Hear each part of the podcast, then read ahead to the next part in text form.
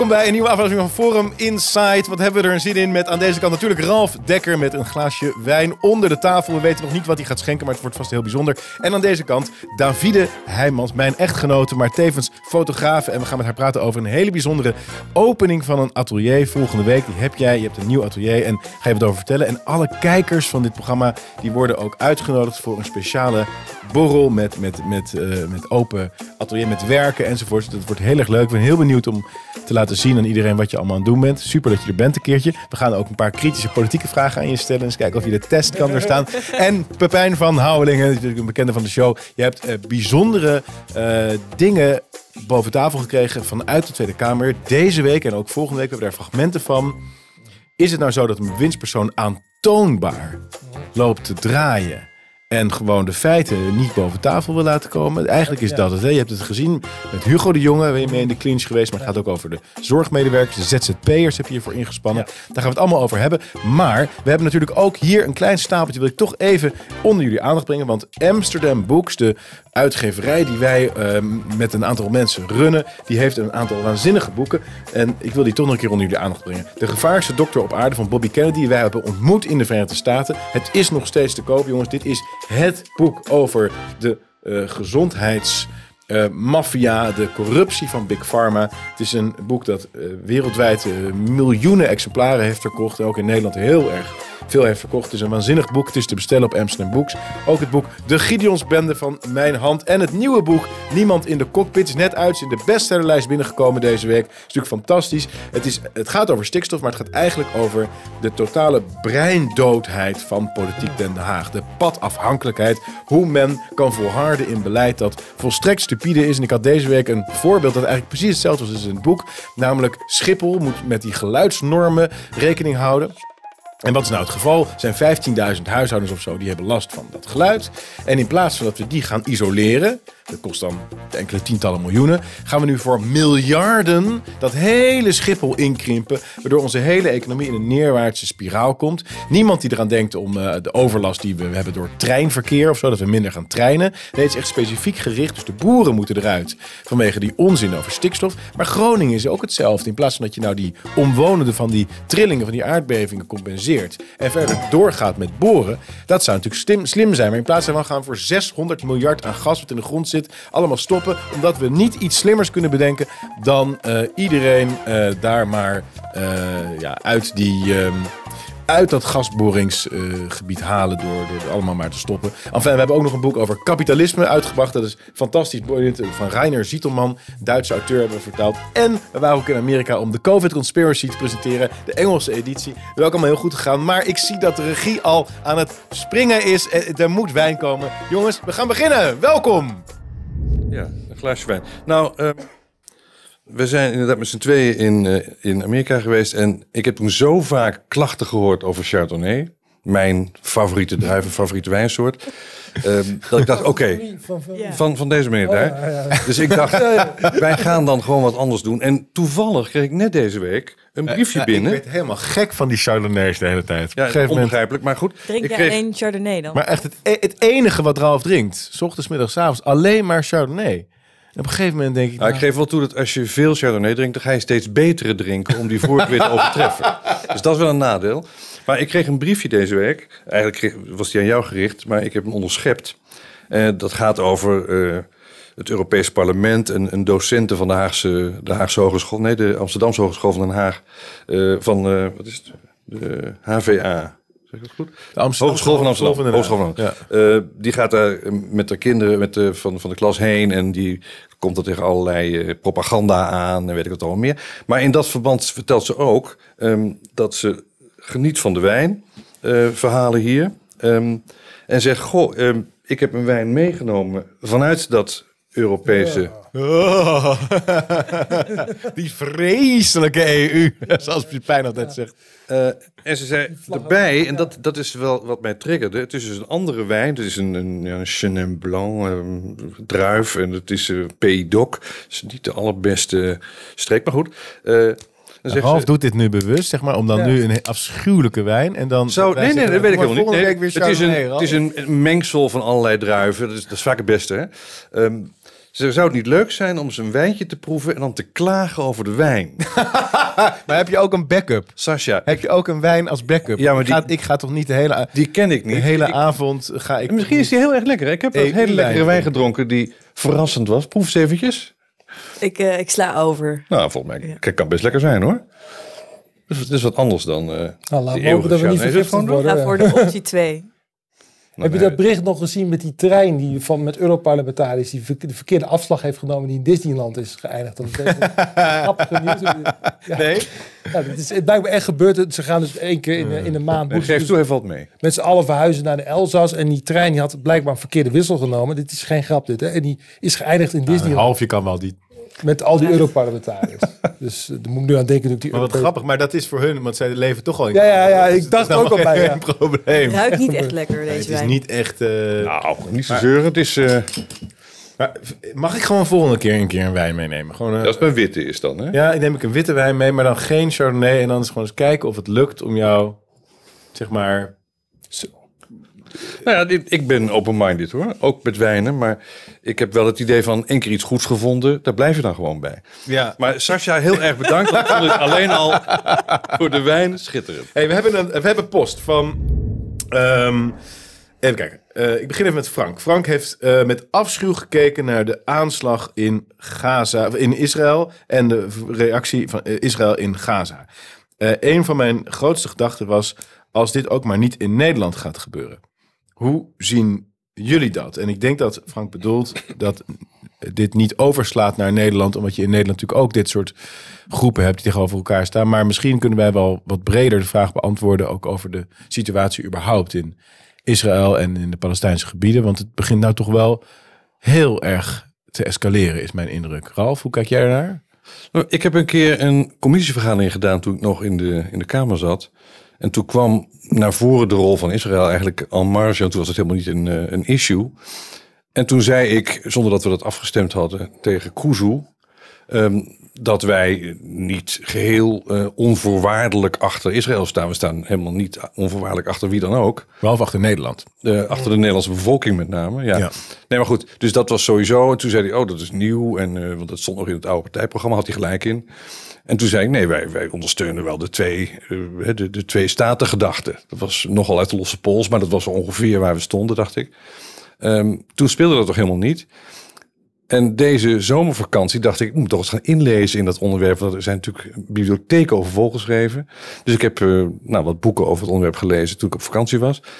En verdraaid, eh, het, het barst los, zal ik maar zeggen, nu met die eh, Hamas-inval in, eh, in Israël en die afschuwelijke moordpartijen die daar hebben plaatsgevonden. Maar naarmate je er meer van weet, dat is het ook effect van, van mijn studie, zal ik maar zeggen, raak je eigenlijk alleen maar meer verward. Het is zo ongelooflijk complex. Eh, er zijn zulke sterke verhalen van de ene kant, maar ook van de andere kant te vertellen. Ja. Eh, dat, en dan denk je, ik ga daar meer induiken. Hoe zit het nou precies enzovoort. Maar dan word je alleen maar verder verward. Want er zijn heel veel spelers die hebben belangen. En, en die belangen wisselen ook. En die zijn ook helemaal contrair aan hun andere belangen weer. Dus het is een enorme puzzel.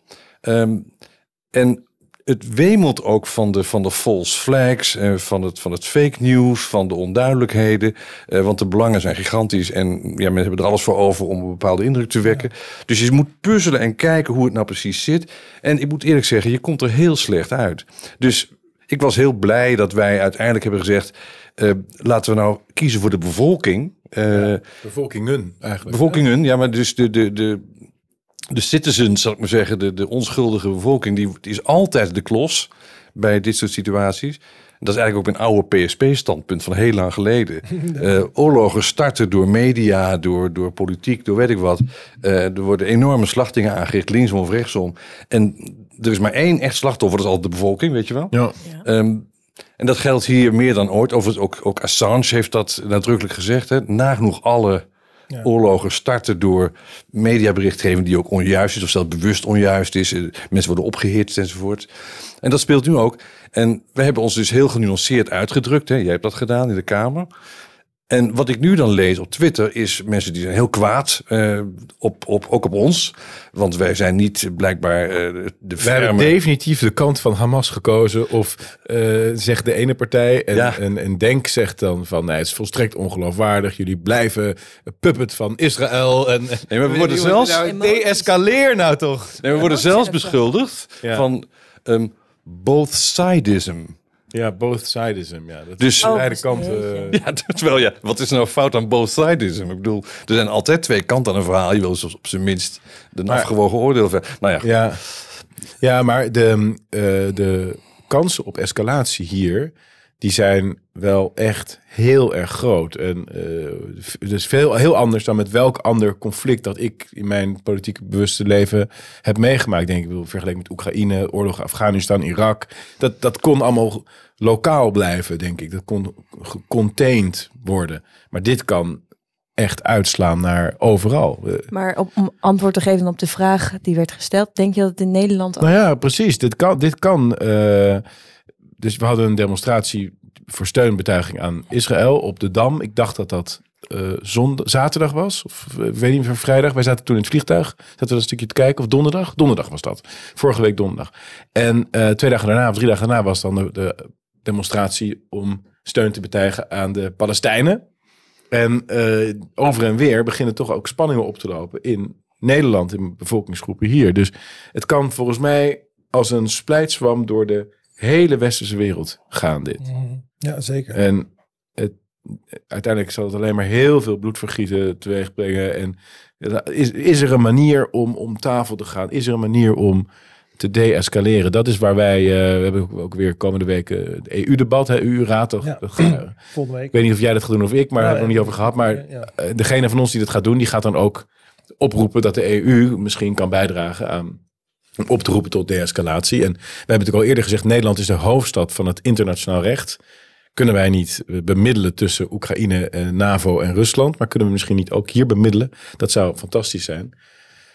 Hè, Pepijn, wat, Ja. heb jij nog een eh, duit in het zakje? hier? Nee, ik denk hier, ik, alles is er eigenlijk al over gezegd. En ik denk vooral wat, eh, wat Ralf net ook zei, van, je, we kunnen ook nu nog zeker niet weten wat er aan de hand is. Want bijvoorbeeld die raket nou, op dat ziekenhuis. En eerst was het van, oh, dat heeft, eh, heeft Israël gedaan. Nu is het misschien een, eh, een raket die van, van, van Hamas komt. Dus er is ook heel veel nepnieuws. Dus ik denk, ik denk dat we dat heel mooi gedaan hebben. Jij ook in die toespraak eh, van, van we moeten afwachten, wat Paul Jens ook zegt. We- Ja. Niks doen, even rustig, eh, niet gelijk willen reageren. Dat is denk ik wel het, belangrijkste. En daarmee de- de-escaleer je eigenlijk ook al. Door niet gelijk erop te springen en eh, grote woorden uit te spreken. Volgens mij hebben we dat heel... Ik vond jouw speech prachtig. En daar hè, ook ja, laconiek, of laconiek is het gewoon langmoedig, langmoedig. Ja, Hè, toch? eh, van, maar, maar ja. Biden is erheen geweest. Eh, Ja, De Amerikaanse minister van Buitenlandse Zaken, Blinken, die ging daar naartoe en die zei ook: eh, I come here as a Jew. ja. Met andere woorden, hij was even niet meer minister van Buitenlandse Zaken van de Verenigde Staten. Maar hij was, eh, ja. hij was daar loyaal aan Israël. Dus Amerika gaat er vol in. Nee, maar dit onderwerp niet is zo gepolariseerd. Het is zo ongelooflijk gepolariseerd. Een, een, een middenpositie waar je zegt, ja, kunnen we niet om te beginnen zorgen dat dat bloedvergieten stopt. Hè? Laten we daar nou als eerste prioriteit naar kijken. Ja. Eh, die, die positie wordt ook wordt gewoon van twee kanten dan aangevallen. Hè? Want dat is helemaal fout. Maar het Want is je moet kijk, links of wat rechts. Israël nu doet, zoals ik het zie, hè, tenzij ze het morgen klaar is en ze hebben er dan een, toch uiteindelijk een precisieoperatie eh, ondernomen, wat wij nu niet zien. Maar wat, wat het beeld dat ik meekrijg is dat ze er met, de, met hun volle gewicht ingaan en ook met de bottenbijl. Dat is, dat is een dermate duidelijke vernedering van al die landen daaromheen. Van Iran, van, van Syrië, van Libanon, eh, van Gaza zelf natuurlijk, van de hele, de, de hele ja, islamitische wereld in feite. Dat als ze dat accepteren, dan zijn ze definitief de onderliggende partij. Dat is misschien waar ze van uitgaan. Dat is misschien het wereldbeeld waarin zij zijn opgegroeid. Omdat dat toen nog kon. In de jaren 70, Yom Kippur-oorlog. Of de jaren 60, de Zesdaagse oorlog. Toen kon dat misschien nog.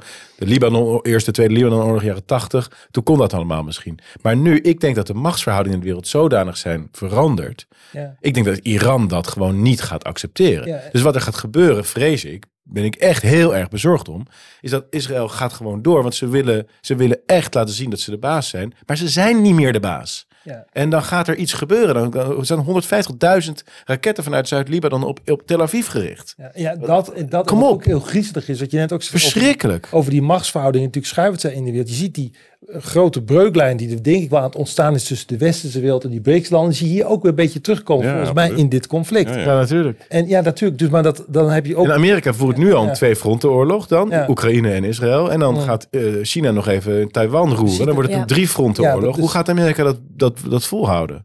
Dus Maar ook binnen die landen, hè, want ook binnen Israël is de tegenstand tegen Netanyahu is gigantisch. Dus je praat niet Ja. over Israëli's, maar je praat over de regering van Israël. Dat is wel even wat anders.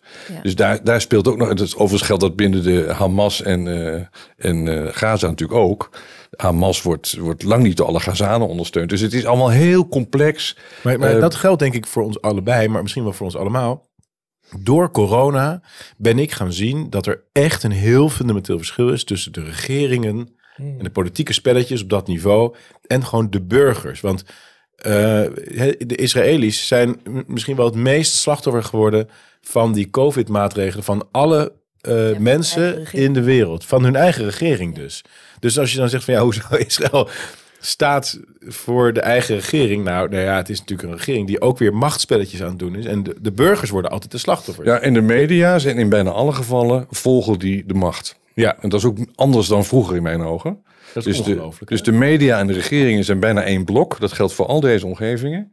Eh, en de burgers die hebben dus het nakijken voor een, voor een belangrijk deel waar ze niet de regering voluit ondersteunen. Dus er zitten allerlei spanningsvelden in die maken het echt heel anders dan in de jaren zeventig. Maar is er één partij nu die oproept tot de-escalatie in de wereld? Ik, ik, ik, ik heb de indruk dat Poetin zich redelijk rustig opstelt. En dat hij zegt, joh, de, de, de moeten eh, aan tafel... Moet, Ja, Lavrov heeft dat, eh, heeft dat geroepen De natuurlijk. enige oplossing is een twee-staten-oplossing. En we moeten daarvoor zo snel mogelijk aan tafel. Dat, dat heb ik gezien. Maar, Ja, ik, zie niet wat er, ik zie wel dat eh, op eh, RT, Russia Today, was een of andere Israëlische staatssecretaris of een, een defensieadviseur. Die zei van, we will destroy Russia because we know you're behind this. Oh ik, ja? ik kan totaal niet beoordelen wat daarvan waar is. Ik heb de indruk dat Rusland zich juist heel erg afzijdig heeft gehouden hierin. Maar dat moet allemaal nog maar blijken, jongens. Het zou me niks verbazen als er nog meer belangen zijn dan Och. die we nu nog niet zien. Ja, ja, oh, dat Ja. zonder Als je dit nu twijfel. op ja. tafel, ja, als je dit nu op tafel brengt, dan denk ik van ja, het zou me niks verbazen als daar ook weer een belang in zit vanuit Rusland bij deze oorlog. Ja, nou ja, als het dus... eh, het is natuurlijk wel ook weer indirect een oorlog tegen Amerika. Ja, ergens. Een proxyoorlog, hè, dat is het griezelig. Het zijn En allemaal die- En die proxyoorlogen. lopen, die lopen snel uit de hand, omdat iedereen zich ermee gaat bemoeien. Ja. En daar moet je juist er niet mee willen bemoeien, denk ik. Ja, mooi is dat, hè? Ja, ja. Ja, dus dat gaan wij eh, ook eh, komende week eh, bepleiten. Mhm. Eh, dat is sowieso een hele andere rol voor Nederland dan, dan dat eh, eigenlijk alle gevestigde partijen, zeker aan de rechterkant, die zien eh, Nederland als verlengstuk van het Amerikaanse imperium. Hè, de PVV, Ja21, eh, o- ook, ook eh, BVNL, die, die willen in de NAVO zitten en die willen vanuit de NAVO eh, eh, meespelen op het internationaal toneel. En wij zijn volgens mij de enige partij Ja, ja. in de Kamer, maar correct me if I'm wrong, maar die, die, die zeggen van nee, Nederland moet juist een, een heel ander, een soort Zwitserland-achtige rol hebben. Dat, dat past ons eigenlijk veel beter. En dat is in ons belang. Het is niet Ja. in ons belang om dat conflict aan te wakkeren. Precies wat je zei, omdat die scheidslijnen lopen ook binnen de, de Nederlandse bevolking hè, en in Natuurlijk, Europa. Dus het, is, het, is zo, het ligt zo voor de hand om juist zo'n houding aan te nemen. Vanuit Maar- Nederlands belang toch geredeneerd. maar ik, zeggen. ik Ja. begrijp ook, want wat die Ja. islamitische eh, eh, bevolkingsgroepen eh, aan beelden zien, vanuit Palestijnse gebieden of vanuit Jemen of vanuit Syrië. Of, ik snap heel goed dat dat keihard binnenkomt. En ik snap ook dat zij het gevoel hebben van ja, maar Ramsi Nasser zei dat. Ik was het met hem eens. Hij zei van ja, maar daar is toch eigenlijk wel minder oog voor in de media. Die Palestijnse en, en Jemenitische, eh, die, die oorlog in Jemen, joh, 400.000 burgerslachtoffers of zo, of nee, misschien wel meer. Ik had een sta- statistiek 2,2 miljoen. Ik weet het allemaal niet. Het zijn, getallen voor mij, maar zoveel. En die mensen krijgen geen naam, die krijgen geen... eh, Nee, aan de andere kant, ik vind wel dat de, de Nederlandse media, die zijn wel opgeschoven, althans wat ik me van de laatste tientallen jaar kan herinneren, van ook gewoon ongeconditioneerd pro-Israël naar ehm, ja, ja, PLO was dat natuurlijk heel belangrijk. En, en dus dat is wel een, een verschuiving geweest. Daar ben ik wel van overtuigd. Tot grote ergernis van, van de, van de Israël. Van Leon de adepten. Ja, en heel veel mensen. Dus eh, ook daar zitten weer. Dus ik was ook verrast om te merken dat wij het met Kati Piri eigenlijk gewoon eens waren. Ja, maar ik vond het ook zo jammer dat er- zo'n Ernst Lissauer dan zegt van ja, ik, ik ben eh, diep teleurgesteld. Ja, Het is zo, zo dat zwart, dat meteen, je bent meteen de vijand, weet je wel? Je bent meteen, Ja. als je niet onvoorwaardelijk de ene of de andere partij, en daar moeten we van af, jongen. Dat, dat is echt het, het- dat moet loskomen. Ook. Ja. Hey, we hebben iets ontzettend leuks, even voordat wij gaan vertellen over onze Amerika-reis, want dat is ook echt fantastisch. Maar jij bent die Davide, je bent niet eh, vaak in politieke talkshows te gast, eigenlijk nooit, maar ik vind het heel erg leuk dat je bent. Eh, wij, voor de kijkers, wij zijn getrouwd. wij kennen elkaar. Ehm, zullen wij eh, wat, eh, Maar eh, we hebben een uitzondering gemaakt voor deze keer, want je hebt iets Ja. ontzettend leuks aan te kondigen. En dit is het affiche en steek van wal. Ja, superleuk dat ik hier mag zijn om dit aan te kondigen. Iedereen die hier naar kijkt, eh, jullie zijn allemaal van harte welkom om ook langs te komen. Dit is een open atelier. Ik heb een fantastische ruimte in Amsterdam. En het is eigenlijk voor het eerst dat ik een overzichtstentoonstelling eh Want je bent maak. fotograaf. Ik ben, sorry, ik ben fotograaf, ja. Allround fotograaf, daar heb je er tegenwoordig niet zoveel meer van. Want heel veel mensen vluchten in specialisme. Maar jij hebt er Ja. bewust voor gekozen om dat niet te doen. Dus je maakt kunstfotografie. Dus echt dingen die mensen ja, aan de muur eh, groot hebben hangen. Die ook in galeries hangen. Die ook voor veel geld weggaan soms. Maar je maakt ook portretfotografie, eh, eventfotografie, trouwerijen, eh, noem het allemaal op. En dat alles is samengebracht in dat atelier, toch? Ja. Dat is een beetje het idee. Zo is het. En ze kunnen alles zien. Ja, ik heb een aantal werken echt uitgelicht van mijn vrije werk. Ik heb een aantal series gemaakt de afgelopen drie jaar. eh, en ook daarvoor al, maar die komen nu eh, te hangen. Eh, en daarnaast is er ook werk te zien wat ik normaal niet laat zien, omdat het in opdracht is voor, voor klanten. Dus het is eigenlijk helemaal niet zo duidelijk wat ik nou eigenlijk allemaal doe.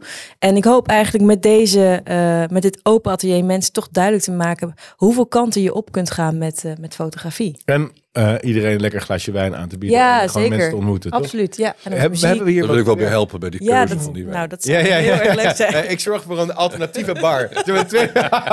Tegenbar. Ja. Maar we hebben wat werken. Die kunnen we misschien even laten zien. Kun je wat over vertellen? Dan krijgen mensen een beetje een beeld bij wat je zo al eh, maakt. Ik vind het zelf heel bijzonder, maar ik ben natuurlijk bevooroordeeld. Kijk, dit is een familieportret, hè? Ja, dit is een, eh, eh, een ontzettend leuke familie die ik mocht fotograferen. Ze zijn allemaal stuk voor stuk ontzettend artistiek en muzikaal. En eh, de vader die heeft zijn handen in de lucht. Gert heet hij. En hij is zandkunstenaar. Dus dat is ook wat we op de achtergrond zien. Ja, Heb, heb je dat, dat, dat, dat zand ook daar een beetje Eh, dat is op daar? de locatie. Ja, ja, ja. dat is niet, eh, niet ehm, later erbij geplakt. En al, dit zijn allemaal in... Oh, wacht. Dat is Het zijn, wel, het Beatrix. zijn wel twee foto's over elkaar heen, want het was niet mogelijk om dezelfde foto met het zand op dezelfde perfecte manier te Maar en krijgen. dit? Wat is dit? Dit is een eh, serie van een koppel in Venetië. Dat is ook een hele bijzondere serie geworden. Mooi ruggetje. Ja, Het lijkt een beetje Ja, jaren prachtig, hè? 50, hè? nou, dat was ook een beetje de stijl die ik wilde zoeken daar. Want je hebt daar zulke mooie gebouwen en zo'n romantische sfeer in Venetië. De- deze komt ook heel groot te hangen. Ehm, Het is leuk omdat als je gaat trouwen of zo, om dan zo'n zo'n shoot te doen eh, in zo'n zo'n jaren 50 stijl. Oh, dit is een fotomodel. Dit is een model inderdaad. Daarmee heb ik laatst een fotoshoot gedaan. Dit is ook in, de, in mijn studio. Dus de, de ruimte eh, waarin ik iedereen uitnodig. Dat is mijn atelier. Maar daar maak ik ook echt daadwerkelijk de foto's. Coole doek Ehm, achtergrond. Ja, ik, ik vind dat ook... trouwens, ehm, wat, je, wat je zegt over, over huwelijksreportages, dat is- vind ik wel een leuke. Want ik heb er nu een paar gezien. ehm, en ik heb zelf ook in de tijd, heel lang geleden, een fotoreportage laten maken.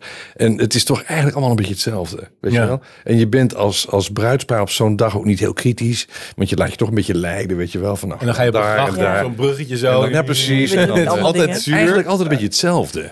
Ja. Dus het is wel een leuk idee, omdat we in een hele andere stijl te in een doen. andere stijl, ja. Ja. Ja. Dit is die, eh, die danseres. Dit is eh, een foto uit de serie Falling Angels. Die heb ik het, eh, in 2021 gepresenteerd voor het eerst. Dat is een hele mooie tentoonstelling. En deze hangt er dus ook, omdat het dus een van de werken is van een eerdere serie. Het is weer heel, heel anders dan de straatserie die ik heb gemaakt. Bijvoorbeeld van Sanremo of Apricale, zoals hier te zien is. Want dit, dit is het affiche. En wat is daar? Dit is een foto die ik heb gemaakt in Apricale. Dat is een heel bijzonder kunstenaarsdorp in Noord-Italië. Net over de grens met Zuid-Frankrijk. En daar heb ik deze zomer een expositie gehad. Oké, ja, ja. Ja, dat is wel zo'n hele romantische Zuid-Europese Het is foto, hè? fantastisch. Ja, die plek is ook heel ook bij ons op de fractie hangen trouwens, hè? Die, eh, jouw foto's toch? Ja, dat is ook in Italië, maar dat is niet in dit eh, dorpje. Ja. Maar de stijl en de sfeer is daar ook voelbaar. Ja. Leuk zeg. Ik vind het zo leuk dat we dit ook een keer laten zien. Want eh, eh, ja, mensen kijken dit programma vooral als politieke discussies natuurlijk. Maar ik, ik ben heel trots dat je dit allemaal doet. En het is natuurlijk allemaal fantastisch. En het is heel erg leuk om ook de kijkers van dit programma te kunnen ontmoeten. Dus het is nog één keer zondag 29 oktober. Eh, vanaf drie uur s middags. Ja. In de Nieuwe Kerkstraat 126 Ja, zo is het. in Amsterdam.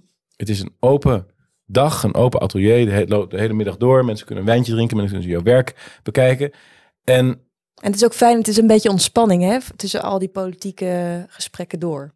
Dus Ja. als je even geen zin meer hebt in dat eh, politieke gelul, dan heel goed. kun je en gewoon lekker hier even kun ontspannen. je nog een bijzondere, als, als mensen komen die Forum Insight kijken, krijgen ze dan nog korting als ze, bij jou, als ze jou boeken voor iets? Ja, dat, is, dat is wel leuk. Dat doe ik eigenlijk niet aan. Ja. Maar daar ga ik even over nadenken. Maar hoe kun je bewijzen dat je Dus- voor een site gezien hebt? Nou, door dat te benoemen misschien. Dus zeggen van eh paswoord, eh, kortingscode Forum Oh ja, Insight. Dat moet wel nu zeggen, die, die code. Ja, dat is dat. Oké, voor dit 2316B. Weet je wel? 2316B. Oké, 23, 16. 2316B. Dat is de code van een ja, 2316B. appartement van jouw minnares in Parijs. Geen commentaar. 2316B. En dan krijgen ze wat de 20% kun je dat aanbieden? Of is dat te much? 15%? Oké, Laten we zeggen 15 procent. Ja, nou dat is op ontzettend een leuk. mooie familieshoot, portretje. Ik vind het super dat je er. Eh, ik vind het super dat je er bent. Hallo, ik kijk altijd met veel plezier naar jullie programma, zegt WS. Leuk dat jullie bijvoorbeeld Robert Valentine aan tafel hadden. De diverse verschillende gasten voegen echt wat toe. Zouden jullie in die lijn ook een keer Hester Bice uit kunnen nodigen? Volgens mij is wat zij te vertellen heeft heel essentieel voor wat we allemaal zien gebeuren. Wie Ja, is Hester Bice? Esther Buijs heeft een Durf boek geschreven. Geen idee. Wie is dat? Nou, die heeft een, heeft een boek geschreven over... eh, ehm, hoe heet het ook alweer? Eh, Banken, de bank... ehm, nou, alle, alle Kamerleden hebben het boek gekregen. In de tijd dat ik er ook zat. Dus eh, ik had het boek al. Maar, ehm, en die schrijft over de, ja, de grote fraude die er uitgevoerd is door de, de westerse eh, overheden. En ook in Nederland. Door allerlei regels aan te passen. Waardoor er eh, eh, geld Oh. van de ene hoek naar de andere hoek is verplaatst. Nou, En als je, omdat jij haar boek toch al hebt, kun jij niet eens kijken of we haar kunnen uitnodigen? Oh, dat is goed. Ja, Goed prima. idee. Dankjewel, WS. Stijn, beste Thierry, hoe kijken jullie naar de verhoging van de rente van de studieschuld? Ben benieuwd naar het FVD-standpunt. Pepijn, jij bent gepromoveerd econoom en vloeiend in Japans. Ja. Dus hoe kijk jij er tegenaan? Nou, het is natuurlijk zo dat nu die rente ontzettend snel stijgt. Hè. Dus eh, dat, kijk, dat, op zich, kijk, je, je leent geld en dan kan het duurder worden. Als je moet herfinancieren, dan weet Ralf nog veel meer, veel meer van dan ik. Maar het, wordt, het stijgt heel snel. Ook mensen met erfpacht hebben die problemen, weet ik. En dan moet je in één keer voor hetzelfde bedrag ik veel meer rentekosten gaan betalen. En ik kan me voorstellen dat heel veel studenten daar wel een probleem mee hebben. Want je, het kan zo zijn nogmaals dat je wat meer moet gaan betalen. Maar nu gaat het, volgens mij is het nog nooit zo snel gestegen, de rente. Maar ik kijk ook even Nee, Ralf dat, nou, nog nooit weet ik niet. Maar, Maar echt, dan gaat als een raket omhoog. Ja. Dus, dus, dus, dus ja, dan schrik je. Dat begrijp ik als student. Ja. Dat je ineens veel meer moet betalen aan rente. Eh, Terwijl het was nul, min of meer. Hè. Het was gratis geld natuurlijk. En nu, nu moet je wel... Maar het gaat zo raar met de rente. Want het is, rente is bijna nul geweest voor, Ja. de, voor de consument. Ehm, en toch hebben heel veel mensen gedacht van ja, nou ja, dat eh, zal zo blijven of zo. Weet je wel. Ja. Ehm, ik ook, hè. Dus eh, heb je een hypotheekrente van, van 1, zoveel procent of zo, of 2 procent. En dan denk je, nou, dat is mooi, prima, het zal zo blijven. En dat, gaat natuurlijk, dat blijft natuurlijk niet. Dus op een gegeven moment krijg je weer de herfinancieringsmomenten en Ja, nieuwe kut, rente. ja. En dan gaat je rentepositie verdubbelen. En dat, ja, bij grote leningbedragen is dat natuurlijk een gigantisch effect. Ja. Dus nog steeds laag relatief, maar wel twee keer zo hoog als vroeger. Hè, En ook voor de staat. Hè. We hebben daar zelfs eh, in, eh, een, een vraag over gesteld. om het CPB te laten doorrekenen. Wat het zou betekenen, die stijgende rente voor de staatsschuld. En dan zie je dat als, als dat... Als dat het zijn verschillende scenario's, hebben verschillende rentepercentages. Maar het- je komt ruim boven de 100% uit.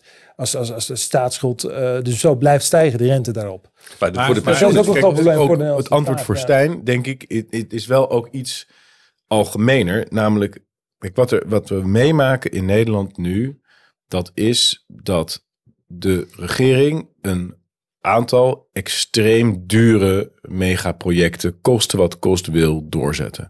De klimaat- en energietransitie, de massa-immigratie, de Europese eenmaking, inclusief het betalen voor Zuid-Europa, de oorlogen, met name nu in Oekraïne, maar er komen meer oorlogen aan.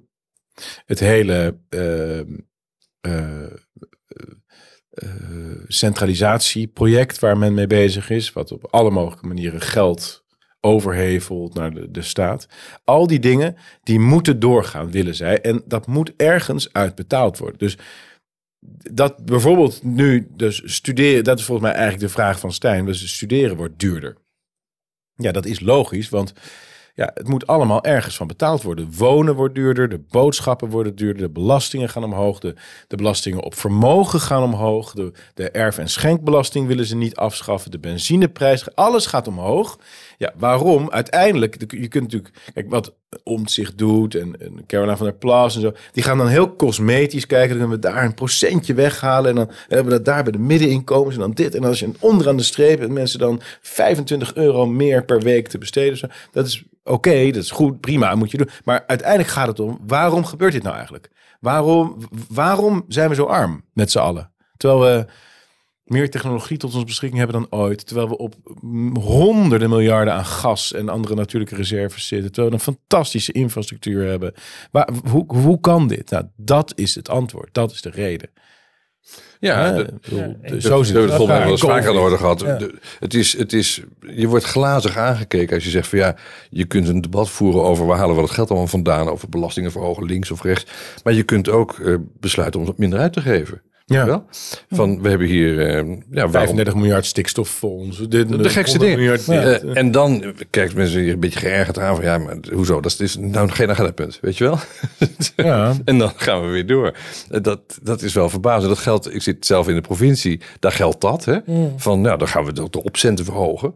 En dan zijn we er weer uit voor de komende tijd. En dat geldt voor de, voor de centrale overheid ook. Daar wordt ook alles maar opgepompt. En dan wordt het in fondsen gestopt. En dan zie je het niet. Er wordt plotseling een balanspost in plaats van een uitgavenpost. En zo allemaal, eh, allemaal administratieve trucs worden er uitgevoerd. Maar per saldo groeit en groeit en groeit het maar. Hè? Ja. Wat ook als gevolg heeft, om even bij de rente dan terug te komen, om het cirkeltje rond te maken. Dus zeker in Europees verband wordt natuurlijk veel meer uitgegeven dan er binnenkomt. En dat verschil, dat drukken ze bij. Want dat is wat de ECB gedaan heeft, al die crisisjaren. En als je heel veel geld bijdrukt, ja, wat gebeurt er dan? Dan wordt het geld minder Dan waard. krijg je inflatie. En inflatie, en hoe bestrijd je dat? Eh, door de rente omhoog te gooien. En zo is Maar, maar inflatie. Ja, is, ja. is eigenlijk gewoon, eh, en, en dat brengt ons ook op het punt over onze reis naar Amerika, want eh, onze vriend Bobby Kennedy die zei dat ook. Maar inflatie is een verkapte vorm van belasting. Ja, dat is maar het is niet een belasting die op gelijke manier bij de mensen terechtkomt, maar een belasting die de midden- en de onderklasse treft. Omdat de midden- en de onderklasse, die heeft cash. Die, zeg maar geld. Die, de, de, de rijkere mensen hebben assets. Dus die hebben bezittingen. Die hebben huizen. Die hebben eh, hele dure auto's. Die allemaal meestijgen in waarde.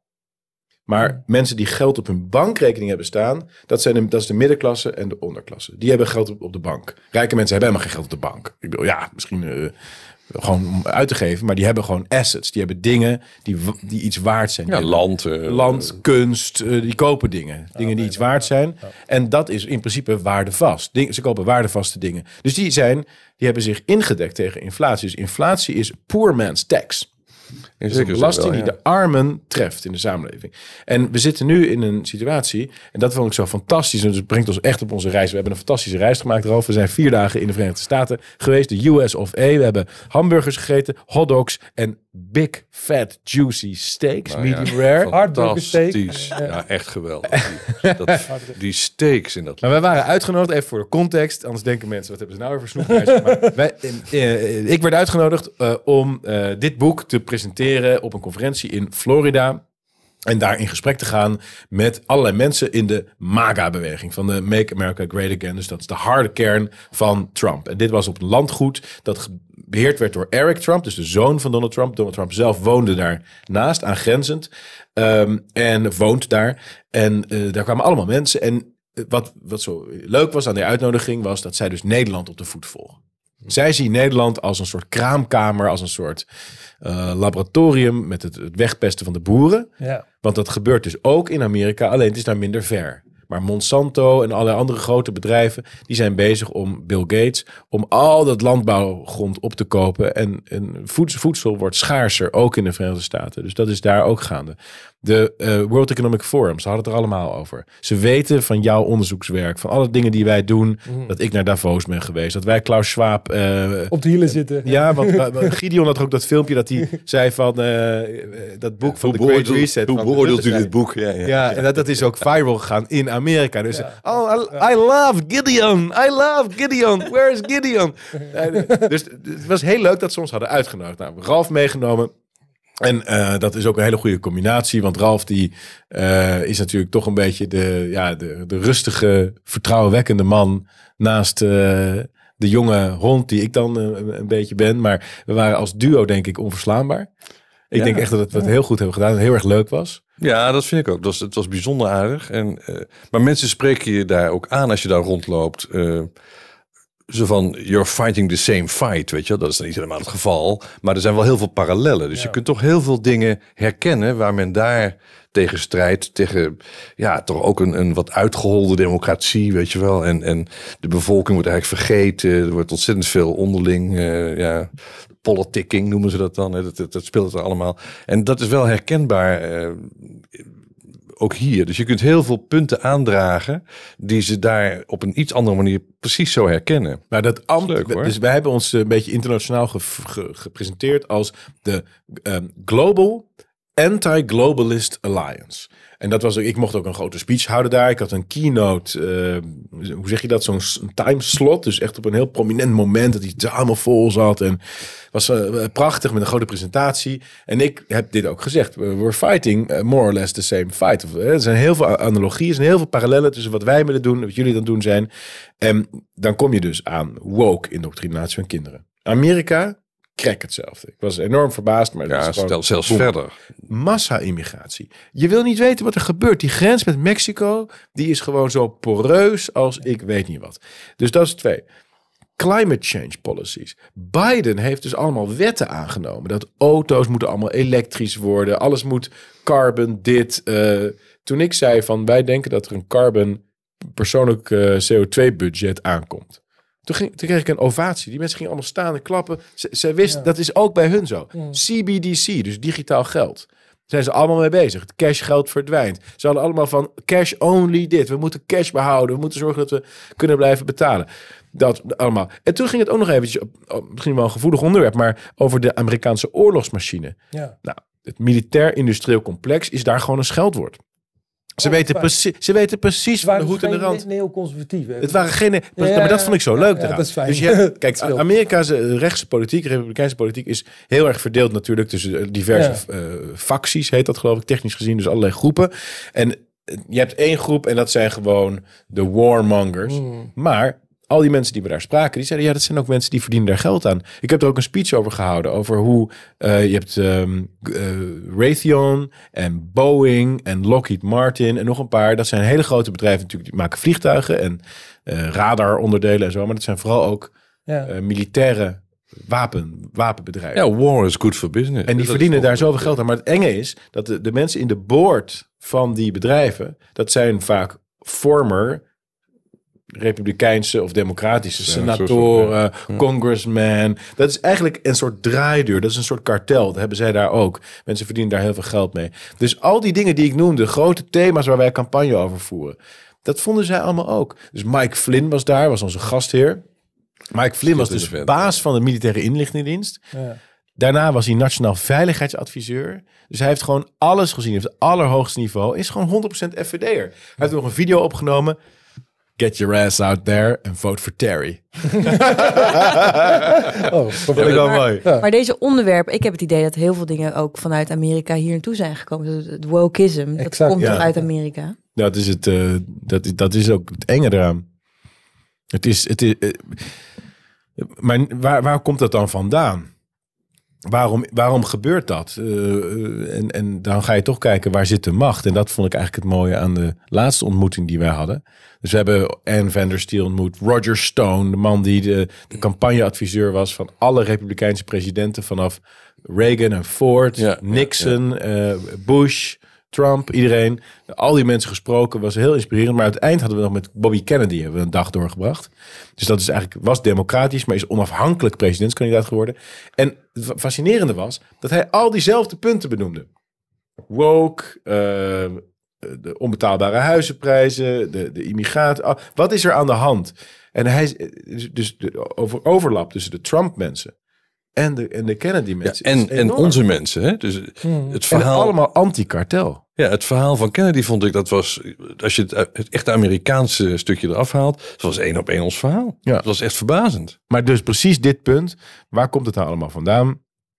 Er is een sprake van een kartel tussen aan de ene kant politici en aan de andere kant hele grote bedrijven die een soort corporatisme hebben gecreëerd. Dat wil dus zeggen geen vrije markt, geen vrije samenleving, maar een selecte groep bedrijven, of het nou gaat om wapenbedrijven of farmaceutische bedrijven of investeerders, of hè, dus financiële sector, dat soort dingen. En die krijgen van de overheid ofwel voorkennis, ofwel licenties, ofwel vergunningen, of andere manieren waardoor zij als enige in een markt kunnen stappen. Of krijgen hele gunstige voorwaarden waaronder ze geld kunnen lenen. Dat is ook in Europa zo. Hè? Dus grote banken, investeerders, die kunnen tegen een lagere rente geld uit die centrale bank trekken. En vervolgens huizen opkopen. Waarmee ze altijd een groter rendement maken. Het is gewoon een no-risk investering als je een financiële instelling bent. En zo wordt dat, die, die is een soort woeker. Die alle welvaart en alle vrijheid en alle constitutional rights uit de samenleving trekt. de middenklasse wordt als het ware. Die wordt, die wordt weggeperst. ja, ja, en daarvoor krijg je in de plaats krijg je een, eh, eh, eh, krijg je een grote onderklasse. eh, waarvan dus Kennedy zei. Kennedy zei het. En this is what Schwab... Hij heeft een beetje een schorre stem, hè. This is what Schwab calls... You will own nothing, but you'll be happy. Toen, eh, toen begonnen wij gewoon te applaudisseren. Dat is zo mooi dat hij dus precies hetzelfde zegt... als wat wij altijd zeggen. Jongens, deze kant gaan we uit. Ja, en- prachtig. Ik ken het natuurlijk geweldig. Maar hoe, hoe reageren dan die Republikeinen? Jullie hebben ontmoet, hè, tot Maga. Ja, op Want- Kennedy. want- nou ja, super enthousiast. Ja, op Kennedy, maar ook op dat, wat daar ben ik heel benieuwd naar. de- Want Trump is natuurlijk wel heel, voor een heel groot deel meegaan, dat hele COVID-verhaal. Ja. Hoe, kijk, je Ja. dat, hoe, hoe, ja, hoe, hoe kijk je daar nu dat, tegenaan? dat, dat, dat, is, dat Ja. wordt een beetje met de mantel der liefde. ja, ja, in de categorie. Ja. Ja, dat wordt met de mantel der liefde bedekt. Ik, eh, ik gaf Ja. onder andere dit boek aan, Ja. aan de zoon van Trump. Dus ik, ik gaf het aan Eric. Ik had een heel leuk gesprek met hem. eh, Een hele Ja. leuke gozer. En, ehm, en ik zag hem zo kijken. En ik, ik weet niet hoe goed ik mensen kan lezen. Maar ik had sterk het gevoel dat hij dit lag, zag in de titel. The COVID Conspiracy. En het voorwoord is geschreven door Steve Bannon. En dat is toch wel een soort vertrouweling van Trump. En Steve Bannon is heel enthousiast erover. Dus ik zag hem zo kijken. Hij dacht, ja, kut, je hebt gelijk. Maar ik kan het niet zeggen. Ja, ja, ja. En dat, is volgens mij hoe Trump erin staat. Want hij heeft natuurlijk iedereen dat vaccin Ja. ingejaagd. Ja, stel je voor dat hij nu zou zeggen, jongens, I was wrong. Sorry. Ja, ik, Jullie zou- gaan misschien ja, dood, maar sorry. Ja, dat kan niet. Dus hij moet, hoewel hij misschien weet al dat dit allemaal onzin is. Maar ja, dat is voor mij wel een reden om ja, toch heel veel sympathie te voeden voor Kennedy hoor. ja, ja. Ja, die zit op een aantal vlakken natuurlijk. eh, kijk, hij is nog steeds heel erg met dat milieu en klimaat bezig. Daar heb ik dan wel grote ja moeite dat mee. is hij weer minder goed. Ja. Vind ik echt een, Ja. een zwak punt. Maar daar is hij wel wat aan het, aan het draaien. Hè? Dus hij geeft aan van dat het, het klimaatprobleem wordt misbruikt om enzovoorts. hè? Dat- Ja, ja. En er is überhaupt geen probleem wat mij betreft. Maar goed, dus ik heb het idee dat dat wel ietsjes genuanceerd wordt. Ik vind op dat punt nog steeds wel een, een, ja, een ouderwetse denker. Hè, van, van die gemene bedrijven die als ze even de kans krijgen zoveel mogelijk vervuilen. En dat is, eh, vind ik, flauwekul. Dus er zit, het is niet helemaal 100% wat, eh, wat wij vinden. Ja, hij komt ook uit die hoek. Hè. Heel veel mensen Helemaal, weten dat niet. ja. Maar hij, hij, hij, hij is dus een telg uit ja, misschien wel de beroemdste familie van Amerika. De Kennedy-familie. Ehm, zijn oom John F. Kennedy is vermoord. Zijn vader Robert Kennedy is vermoord. Allebei in de jaren 60. De een 1963, de ander uit mijn hoofd 1969. En ehm, dat is hoogstwaarschijnlijk gebeurd door de, door de, de Deep State. Omdat de Kennedys heel uitgesproken waren over het aanpakken van het militair-industrieel complex. En het, en het hele het, het verwevenheid van big business en big government via de geheime diensten, via al, al Ja. dus de CIA aan de ene kant verdient aan oorlogvoering, want dan hebben ze dingen, en aan de andere kant verdienen ze aan drugshandel en, enzovoort. Dus het is allemaal van die dubbele belangen. En ehm, toen heeft hij een hele andere kant gekozen in zijn leven. Hij is, milieuadvocaat geworden, milieurechtadvocaat. En hij is allerlei grote bedrijven gaan soeën. Je hebt de, de grote rivieren in Amerika, de, de Mississippi, de Hudson River, nog een paar. En die waren vervuild. En dat kwam doordat er kwik en andere spullen door bedrijven in werden geloodst. En dat klopt ook, er waren geen vissen meer. En hij heeft dat succesvol bestreden. En hij is dus een held in de milieubeweging. Maar hij gaf dan lezingen. Dat heeft hij ook beschreven in zijn boek. En dan kwamen daar allemaal moeders naar die lezingen toe. En die zeiden, hoe kan het dat onze kinderen allemaal autisme hebben? En toen dacht hij, shit, hoe komt dat eigenlijk? Ja, het komt door de vaccins. En hij wilde daar eerst niks over weten. En zo, hij was gewoon klassiek. Net als iedereen. Gewoon, ja, vaccins, ja, zal wel goed zijn, zal wel goed zijn. Niet over nagedacht. Maar toen ehm, ging je er op een gegeven moment induiken. Dat heeft hij heel, heel mooi ook over verteld bij Joe Rogan. Is hij door geïnterviewd. Dus aanrader om dat eh, Ja, terug te luisteren. Ja, jij hebt het eh, ongetwijfeld ook eh, Ja. gehoord. Maar dan vertelt hij dat. Dat op een gegeven moment die moeders... Allemaal met die zwaar gehandicapte kinderen. En dan gaat hij eh, eh, dat, daarover lezen. Wat er in die vaccins zit. Dus dan is hij bezig geweest om rivieren schoon te maken. te- om visjes te helpen. En bossen en, en dingen. En de dieren komen terug. En, dan hebben we de mensen. We, hebben de, we zijn de mensen vergeten. Mensen worden ook vergiftigd. Wow. En dat is dan een soort omwenteling in zijn leven. En dan, dan, dan gaat hij de politiek in. En dat vind ik zo'n... Ik, ik vind dat zo'n integer verhaal. Ja, ja. Het is een hele gedreven vent. hè. We hebben echt eh, lang... Aardige kerel ook. apart gezeten. Heel uitgebreid met hem gekletst. Ook elkaar aangeraakt, weet je wel. Zo'n schouderklop, handen. En, en ja. het is gewoon echt een mooie vent. Die foto van jullie twee, daarin zie je ook iets vurigs in zijn ogen. Dat Hij is zo zo bijzonder. gedreven. Ja, je ziet Hij echt is- een enorme power, enorme kracht. Ja, ik vond het een hele charismatische man. Ja. En ook Ja. fysiek, dat is in die filmpjes dat hij dus eh, aan het, Ja. het, eh, opdrukken is en zo. Iemand Ja, hij heel gewoon in energie. shape. Ja, ja, ja.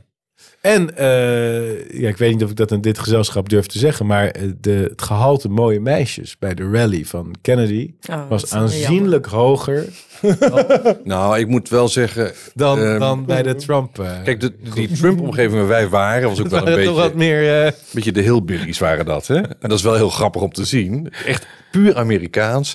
Er hing overigens ook een hele grote Israëlische vlag. Dat is dan weer ook weer zoiets van... ja, maar dat was niet omdat ze daar nou per se zo uitgesproken over waren. Want bijvoorbeeld Anne Vandersteel eh, was op Twitter en zo heel erg van ja, we zitten Ja, dat is- nou weer ingetrokken. Dat is, zo. dat is vreemd, hè? Er zitten toch een paar, ja, er zitten wat schizofrenie eh, aspecten in.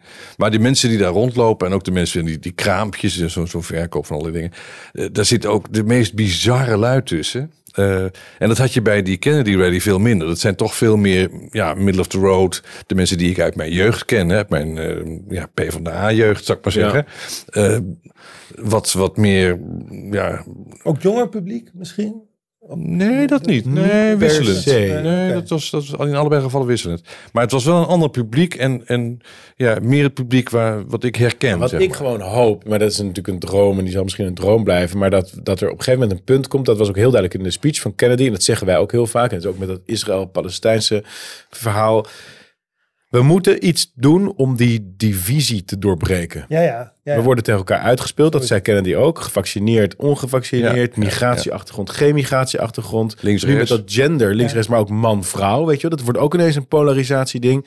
En uiteindelijk moeten we, het, het gaat erom, het ging ook over abortus. Vond ik ook zo mooi. Ik een vraag over abortus. Zei hij, ja, weet je, abortus is een heel, is altijd, elke abortus is een tragedie, zei hij. Dat is ook onze lijn. Ja. Elke abortus is een tragedie. Maar eh, je moet ook omstandigheden laten, je moet ook mogelijkheden laten. Maar, zei hij, laten we ons niet daardoor laten uitspelen. Ja, ja. Want uiteindelijk, wij, wat we allemaal willen, is het beste voor eh, onze gezinnen, voor onze kinderen, voor de mensen. En, en wat we willen is eh, dat we weer een huis kunnen kopen, dat we weer boodschappen weer kunnen betalen, dat die economie weer draait, dat die kartels stoppen, dat die oorlogsmachine stopt, dat de privacy wordt beschermd. Al, dat zijn de echt grote dingen. En dat is dat, ik dacht ook, als we dat nou kunnen meenemen naar Nederland en dat mensen in Nederland dat ook gaan zien, dat het niet alleen maar gaat om Ja, al die dingen waar ze ons de hele tijd op, Op willen. verdelen, weet ja. je? Dat, Ja. Al die dingen. En dan, oh, maar ik ga voor die nemen, ik ga Ja. voor die nemen. Maar jongens, wacht even. En wat ik zo, Terwijl je wegkijkt, ja. daar wordt je geld gejat. Ja, we hebben gemeenschappelijke vijanden. Wat ik zo ontzettend mooi vond, vond aan het begin toen Kennedy begon met zijn campagne, was het ook een heel grote ja, eh, gerucht, een groot gerucht in ieder geval, dat hij misschien samen met Trump... En dat zou mijn ideaal zijn. dat, en het feit Ja, dat, dat, Trump, als Ja. Trump nou uit Ja. de Republikeinse partij wordt gekikt. En zij gaan samen als onafhankelijk duo verder. Ja, dat zou waar verslaan beide partijen. Ja. Want die, zowel de Republikeinse partij... Dat goede ook-. Trump is natuurlijk een goede vent. Alleen die Republikeinse partij is door en door Ja. ziek. ja, Dus eigenlijk moeten beide partijen moeten weg. Ja, Ja, maar- iets nieuws komen. Exact, maar dat zou dus fantastisch. En die druk, dat, was, dat werd zo aannemelijk geacht. Ja. Een groep, met- dat dus Kennedy zich op een gegeven moment gedwongen zag. Ja, hij zegt om ja, nee, ik ga niet met Trump op ticket. Maar het feit dat, dat het dus echt speelde, zo serieus, laat wel zien dat die gedachte van jou, dat helemaal niet zo gekke gedachte. Dat heel veel mensen zien dat ook. Van, die Maar heel veel mensen hetzelfde kamp. Ja. willen dat ook. Wat, Ja, wat ik zie ook, is ja, dat ja. heel veel mensen zijn klaar met Ja. de, de politiek met een kleine p, zoals Ja. Hans Weijers dat ooit noemde. Met dat politieke spelletje, dat politiek geharrewaar. En willen gewoon... Maar de grote issues adresseren, zoals wij doen... dan word je door de rest van het systeem buiten de orde verklaard. En dat is waar het dan vaak fout gaat. Dan denken mensen, oh, die staan buiten de orde... dus daar kunnen we niet op stemmen. Maar daar moet je dan juist op stemmen. Moet je juist voor gaan. Ja, want ja. alleen dan kunnen we iets doen. Ja, exact. Maar we zijn wel heel geïnspireerd teruggekomen. Ja, absoluut. En het is toch ook wel leuk om contacten aan te knopen. En eh, mensen willen graag van ons leren. De dingetjes die wij hier georganiseerd hebben. Maar andersom natuurlijk ook. Eh, en dus we hebben nou ja, onze, onze telefoonboeken staan weer vol met We zijn nummers die we niet uit voor hadden. een vervolgmeeting in Canada. Ook nog, ja. Want ze zijn ook met de truckers bezig die tegen Trudeau in eh, actie zijn gekomen. En dus dat anti-global, anti, de Global Anti-Globalist Alliance. Dat, dat, dat, dat is, en Sjoerd Schuurtsma werd ook helemaal, eh Nee, die begreep het niet. Weet je wel? Ik dacht, dacht, globalism, dat is dat je in een vliegtuig stapt. Dat is dat je Oh. gaat reizen. Hij denkt dat dat globalisme is. Ja, globalisme. Nou ja, maar dat, dat is wel een serieus misverstand volgens mij. Want veel mensen denken inderdaad, als je internationaal bezig bent, dan ben je dus een globalist of zoiets. Hè? Ja. Dus wij gaan dan internationale contacten aanknopen. Dan zijn wij dus ook globalisten. Dus waar zullen we nou over? Terwijl wat wij natuurlijk bedoelen is dat je het lokale bestuur moet je lokaal laten. En je kunt best contact hebben met andere besturen elders. Sterker nog, dat is heel goed om ervan te leren. Maar je houdt het wel lokaal. Ja, globalisme is, is, een, is, een, echt een, is een specifieke ideologie. Ja. Eh, jij hebt daar ook een laatste behartenswaardige dingen over gezegd in een podcast. Of wat was het ook weer? Maar jij zei de geschiedenis van het globalisme moet eigenlijk nog worden geschreven. Ja. Je hebt heel veel eh, boeken die beschrijven globalisme als een soort natuurfenomeen. Ja, globalisering. Globalisering, Kijk, en dat weet juist, jij, want ja. eh, ook, ook volgens mij Paul Scheffer is dat toch ook globaliseringsstudies, dacht ik hoor. Maar in ieder geval, je hebt dus heel veel hoogleraren die zijn globaliseringshoogleraar. Ru- eh, Lubbers volgens mij ook trouwens uit mijn hoofd. Maar globalisme als ideologie wordt volgens mij nog niet onderkend. Terwijl het natuurlijk een Maar ideologie in, is. in, Ja. in dit boek, hè, in de Gideonsbende, doe ik eigenlijk een poging om dat Ja. ook te definiëren. Omdat ik dat gewoon dan zeg, dat is onze vijand. Wat is nou de vijand? Mhm. En globalisme is volgens mij de politieke vertaling van cultuurmarxisme. Mhm. Dat is wat ik hier betoog. Dus cultuurmarxisme is, is, is het mensbeeld, is de, is de visie op de geschiedenis. Namelijk, landen moeten verdwijnen. Eh, en eh, eh, we, we moeten ofwel liberalisme hebben, ofwel socialisme hebben, om dat te, Mhm. op te knippen, die landen. En uiteindelijk gaan liberalisme en socialisme gaan samen in een soort Hegeliaanse synthese, namelijk van een superstaat op mondiaal niveau, of op regio, dus EU, en supranationale corporaties, dus multinationals, dus Ja. BlackRock, super, superbedrijven. En dat is wat Davos is. Dat is het World Economic Forum. En daarom heeft Klaus Schwab ook een grote buste van Lenin in zijn werkkamer. Ja. Omdat het, het is allemaal, het World Economic Forum is een, is een cultuur-marxistisch instituut. Dat eh, de mens wil emanciperen van al zijn gemeenschap. Al zijn, al zijn inbedding. En wil atomiseren. Daarom dat hij ook dat geslachten, de aanval op geslachten, de migratie, dus de aanval op de gemeenschap, het klimaat, wat een aanval is op de, de organische economie en een manier is als een watermeloen om totale controle te krijgen over de economie, omdat alles wat we doen CO2 oplevert. Dus alles is, valt onder het bereik van de staat daarmee. En dat doen ze allemaal met superinvesteerders, hele grote bedrijven, die niet aan te sturen zijn en te corrigeren zijn meer door landen en door supranationale organisaties zoals de EU, de World Health Organization, de World Trade Organization, de VN, noem het allemaal op, de NAVO. En die komen samen in private Ja, organizations, public-private. hè? zoals de, de, de WEF, omdat die niet wopbaar zijn. Mhm. En daarom is het zo'n doodzonde geweest dat Caroline van der Plas en, en Pieter Omtzigt tegen onze motie hebben gestemd om dat wopbaar te maken. En dan zag ik dat ze daar weer over tweeten. Ja, maar de, de formulering was niet goed of zo. maar dat het is gewoon, de kern is gewoon, Ja. dat is, dat, ze zijn daar bang voor, want daar zit de echte macht. Ja, d- Wij ja willen het gaat dat mij wel heel, krijgen. ja, dat was wel heel kort door de bocht allemaal wat mij betreft hoor. Maar Maar ik ga wel die bocht door. het, het wordt gepresenteerd als een onafwendbare ontwikkeling. He, van alles moet internationaal worden. En het is veel handiger om, het, om Europa als geheel te besturen. Want ja, dat is allemaal efficiënter en eh, weet ik wat. En eigenlijk is het nog handiger om wereldwijd uh, dingen Ja, te besturen. Want de wereld heeft wereldproblemen. Exact, En ja, dat, dat element is ook heel belangrijk. dat soort gelul zit er de hele tijd bij. Er worden ook wereldproblemen gezocht. Hè? Dat, dat is niet per se denk ik, marxistisch. Hè? Of het nou COVID is of het milieu. Of, hè? Dus dat, dat, dat, Er is, er is een, er is een element soort, van je agenda. Er is een soort. Drive van we moeten alles vanuit de grootst denkbare schaal aansturen. Want anders zijn we inefficiënt en, en, en counterproductief bezig. Dat is een beetje de gedachte. Er zit volgens mij geen vilijn placht vallen achter van we willen uiteindelijk naar een wereldregering toe. Maar het effect is dat wel. Of, of dat allemaal bewust is, is een tweede. Maar het effect is wel zo. Eh, En daarom praten we wel met die Amerikanen over dezelfde vraagstukken. Want die zien dat vanuit de andere hoek ook gebeuren. Die worden ook steeds meer bestuurd vanuit hele grote samenhangen en, en weet ik wat. Eh, zonder oog voor de burgers en de, de mensen waar het om gaat. Dat is volgens mij het, het- de kern van het vraagstuk. En je, wat wij nou doen eh, met, met, met cultuurmarxisme en zo, dat is proberen te, te analyseren waar komt dit nou vandaan. En dat zou best waar kunnen zijn. Maar dat suggereert vaak dat er mensen heel bewust aan touwtjes trekken, wat volgens mij maar heel beperkt het geval is. Het, is, eh, het gaat die kant op, dat moeten we stoppen, want die kant is niet goed. Eh, maar de suggestie dat er mensen heel bewust ook die kant aan het sturen zijn, volgens mij is die veel te sterk. Nou goed, dat is mijn opvatting. Ja. Het zijn alleen wel heel veel toevalligheden daarvoor, vind ik het ook weer. Gewoon, Ja, maar het trekt er- elkaar aan. Hè? Ja. Het, het is, eh, ja, het- je gaat passende dingen erbij zetten. En mensen gaan ook daarop anticiperen. En die gaan daar ook hun bedrijf op inrichten. Van nou, daar gaat het heen. Dus ik ga ook meedoen. Want anders dan, hè, enzovoort. Dus het is een soort zwaankleefaan-achtig effect. Waarbij het steeds groter wordt. Dat noemden we met padafhankelijkheid. Geldt hier ook voor volgens mij. Maar er is wel door instanties, en wat jij ook zal beamen, denk Ralf, op, denk ik, bijvoorbeeld in de jaren 70 al, hè, met die Club van Rome, Rockefeller Foundation, er wordt wel opgestuurd. Er wordt wel heel bewust die richting ingestuurd. Ja, ja, maar de Rockefeller Foundation. Dat- Rockefeller wilde gewoon, Ja. eigenlijk een van de eerste die een wereldwijde markt zag. Mm. Wereldwijd handel doen was natuurlijk echt, echt nieuw. Ehm, de, de World One Market, ja, fantastisch hè. Mm. Eh, dus natuurlijk, daar kwam die drive vandaan. Maar volgens mij toen nog vanuit een puur commerciële optiek. En die, die Club van Rome, die hadden volgens mij echt zorgen over eh, de, de eindigheid van de aardse bronnen en weet ik het al meer. Zoals er nog steeds heel veel mensen die liggen wakker van dat soort zaken. Ja. En als je één keer in, die, in dat spoor zit, eh, dan krijg je ook een soort eh, beperkte waarneming. Dan zie je alleen maar de dingen die dat spoor ondersteunen. En dan, dan lijkt alles weer een onderstreping van het feit dat er echt eh, rampen aanstaande zijn. Weet je wel? Dus je, je loopt een spoor in waar je bijna niet meer uitkomt. Ja, ja, Nou ja, dit goed. is de aporie, Ja. om het eh, technisch te zeggen, waar eh, we altijd in vastlopen. hè. Is het nou een complot? Is het nou een plan?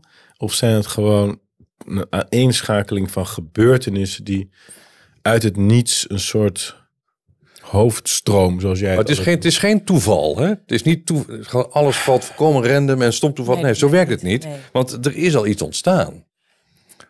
Ja, de hoofdlijnen uitgezet op zijn minst. Ja, die loopt Ja, al. Ja, ja, ja, exact. Ja, ja. Maar goed, dat, eh, Ja. misschien is het niet... Ik zal weer voor... eh Maar misschien voor zou je in, in, in, in worden het klein manier om daar helemaal op door te akken. Maar bijvoorbeeld bij de Rabobank is ook op een gegeven moment de hoofdlijn ingezet om al die lokale banken, om die, da- daar één bank van te maken.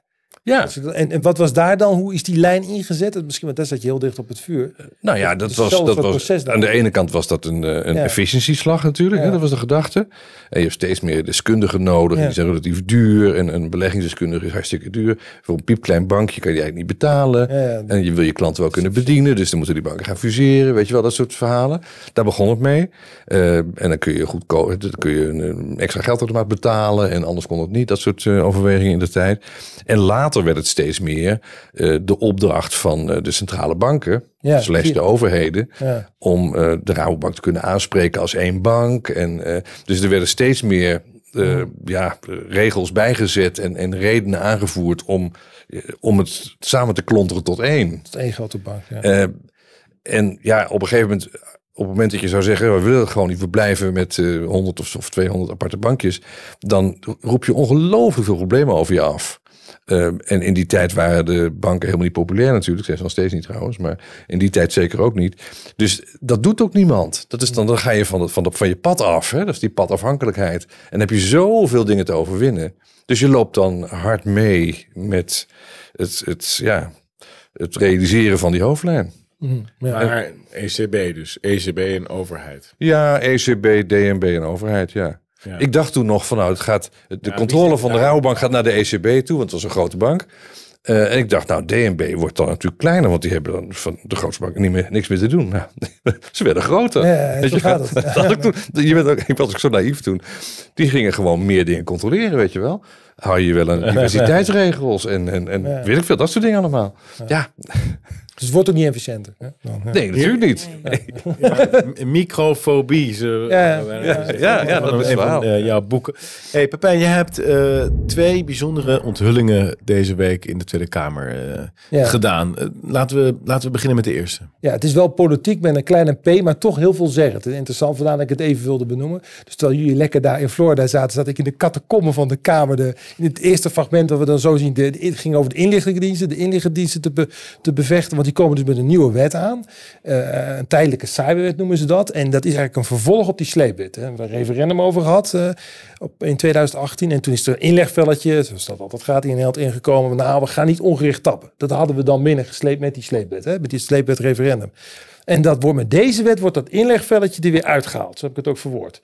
Want er komt een nieuwe fase, wordt toegevoegd aan het inrichtingenproces. Dat noemen ze de verkennende fase. En dan kunnen ze, en dat is ons ook eh, verteld door experts. Bijvoorbeeld door iemand die 20 jaar daar gewerkt heeft. Die dus echt heel goed weet. Maar dan ziet het ook in de wetstekst zelf staan. Dan wordt er dus geheel ongericht getapt. Dus als de inlichtingendiensten zeggen van nou ja, we willen gewoon weten. We willen gewoon weten wat er op die kabel zit. Dus ongekende dreiging. Hè? Dus we we zijn benieuwd. Misschien zit er daar rust op die kabel, weten wij veel. Dan kunnen ze dus een. Dit, dit is wat ze dan straks kunnen doen. Hè? Als die wet wordt aangenomen, dan kunnen ze dus een, een jaar lang die kabel, of een half jaar lang die kabel tappen. Welke kabel? Gewoon elke kabel. De- de- gewoon elke kabel in Nederland. Dus die grote internetkabels, daar is het vooral op gemunt. Die natuurlijk eh, aan land komen bij ons. Waar die Amerikanen vooral geïnteresseerd in zijn. Dus die kunnen ze dan bijvoorbeeld tappen. Maar ook de kabel eh, naar de Tweede Kamer. Ze kunnen alle kabels tappen van hele wijken. Dat kan. Die bevoegdheid krijgen ze. En dan eh, kunnen ze dat ook nog eens die inlichtingen delen met buitenlandse inlichtingendiensten. Om, om, omdat die ons dan zouden kunnen helpen, bijvoorbeeld met o- het ontcijferen. En dan zeggen ze steeds, en dat was de eerste verdedigingslinie van de jongen, dat zul je dan straks ook zien. Ze ja, maar dat is verkennend. Daar gaan we het nog niet gebruiken voor inlichtingenwerk. Maar ondertussen wordt er wel getapt. En al die informatie wordt wel dus opgeslagen. En, en voor welk probleem is dat een oplossing, zeggen zij? Nou, zij, zij willen dus, eh, ze hadden dus problemen, zeggen ze, door dat, door, eigenlijk dat inlegvelletje was een probleem. Want daardoor konden ze dus niet zomaar eh, tappen. Want ze willen, ze willen gewoon zomaar tappen. Ongekende dreiging. Hè? Dus dat is ongericht tappen, dat is wat het is. En waarom willen ze dat dan? Omdat ze, Welke- omdat ze dan zeggen van ja, we- het zijn ongekende dreigingen. Dus er kan een dreiging zijn. Het kan, het kan een dreiging zijn. Dus, Ja, dat kan. nee, Ja. ja, nee, zo ver gaat het dus. Kleed u zich maar vast uit. Precies, ja, nee, zo bizar. is. Dit is echt, dit is wat, Laten we even kijken. ja, kijk maar ja, hoe dat dan gaat. En ik probeer hem daarmee te confronteren. Dus, maar, ja. Ja, dank voor de beantwoording. Ja, ik ben nog niet helemaal gerustgesteld. Want de minister zegt, eh, wat op zich wel een nieuw antwoord is... van nou, we kunnen niet iedereen gaan tappen. We kunnen geen wijken gaan tappen. In antwoord op vragen hierover van de SP trouwens... op pagina 60 van de nota van verslag staat dat niet. Dat is op zich heel vreemd, want had het dan neergeschreven... we mogen dat niet doen. Maar als ik dus nogmaals de wetstekst lees... als ik de toelichting die we hebben gekregen hoor... als ik de, de, de, de, de, uw vraag, de- de toelichting lees... dan is het, is het zo, en dat is nu mijn vraag... dat in die verkennende fase... dat het eigenlijk voldoende is voor de inlichtingendienst... om te zeggen van, nou, we willen graag weten... de minister zegt het ook met zoveel woorden... wat op die kabel zit. Hè? Minister. communicatie. En dan kan die kabel worden getapt. Dan kan die kabel worden getapt. Dus De minister. klopt, nou, klopt dat of klopt dat niet? Dat is de Nee, u geeft telkens een verkeerde voorstelling van zaken van wat zo'n snapshot eigenlijk is. Dat is gewoon een foto eh, die een indicatie moet geven wat er eigenlijk te vinden is op die kabel. Dan heb je nog niks, maar dat is gewoon een foto. Eh, en, en u maakt ervan dat ongericht alle, eh, alle data van alle Nederlanders worden binnengehaald. Terwijl de werkelijkheid der dingen is dat op al die kabel die er is in Nederland, er wordt een foto van gemaakt. Wat zou eventueel waar te vinden zijn? Het gaat helemaal niet om Nederlanders, het gaat over die statelijke actoren, die, die eh, Rusland bijvoorbeeld, over Iran bijvoorbeeld. En je wilt weten, eh, is er op onze kabel iets te vinden dat iets kan zeggen over een ongekende dreiging die uit, uit die hoek vandaan komt voor de nationale veiligheid? Dat is wat je wilt weten. Eh, nou, en als je, als je een eerste indicatie hebt, dan zou je inderdaad zo'n foto moeten kunnen maken. Als je die foto gemaakt hebt, dan ga je op basis van die foto ga je er vervolglasten inrichten. Dus het daadwerkelijk verwerven van de data. Dan weet je namelijk op welke fiber je moet zijn. Dus dan ga je het daadwerkelijk verwerven van de, van de data. Als je kunt beargumenteren dat je het nodig hebt op basis van die verkenning. Daarna ga je het verder eh, reduceren van die data, dus het verder filteren. Daarna ga je het eh, daadwerkelijk analyseren. Dat zijn al die vervolglasten die daaruit voortkomen. Maar de verkenning, de foto, is nog niks. Is gewoon een foto. Dank u wel. Nee, dat gaan we niet... Echt een hele Van Sorry, nee, maar als ik deze gevoel van... Ik Meneer Van Houweling, ik had u het woord nog niet gegeven. Wilt u de microfoon weer uitdrukken? Dank u vriendelijk. Ik heb u nu vier keer ongeveer dezelfde vraag horen stellen. Ik ga geen vijfde keer toestaan. Ik trek hier een streep. Het woord is aan de heer Het is Krul. niet dezelfde... Nou, ik vind het echt... Maar punt, ik vind het echt schandalig. Want wat de minister nu zegt, en dat punt wil ik maken, is heel. Het klopt niet. Een snapshot die gemaakt wordt, is hetzelfde als tappen. Het is alleen zo dat zegt de AIVD dat er minder mensen daarmee kijken. Uw punt maar is het is gemaakt. Stappen. Het Uw is punt stappen. is Dat klopt gemaakt. niet. De minister gaat over zijn eigen beantwoording. Het woord is aan de heer Krul. Hup, En dan word je afgekapt. Ja, zo, word je af, zo gaat het dus. En het heel vreemd, want dit was dus wetgevingsoverleg. En hij heeft in een eerdere fase van dit debat, zei die voorzitter, je mag zoveel vragen stellen als je wil. Hè, want dat mag bij wetgevingsoverleg. Maar hier word ik dus wel degelijk afgekapt. Het was ook helemaal niet zo dat ik vier keer dezelfde vraag stelde. Want dan moesten eerst door al die rookgordijnen van de jongen heen. Want er werd allemaal rookgordijnen op. Hè. Wie is die haverkort? Ja, van de VVD, ja, dat is dan de voorzitter van Oh, dit ja. debat.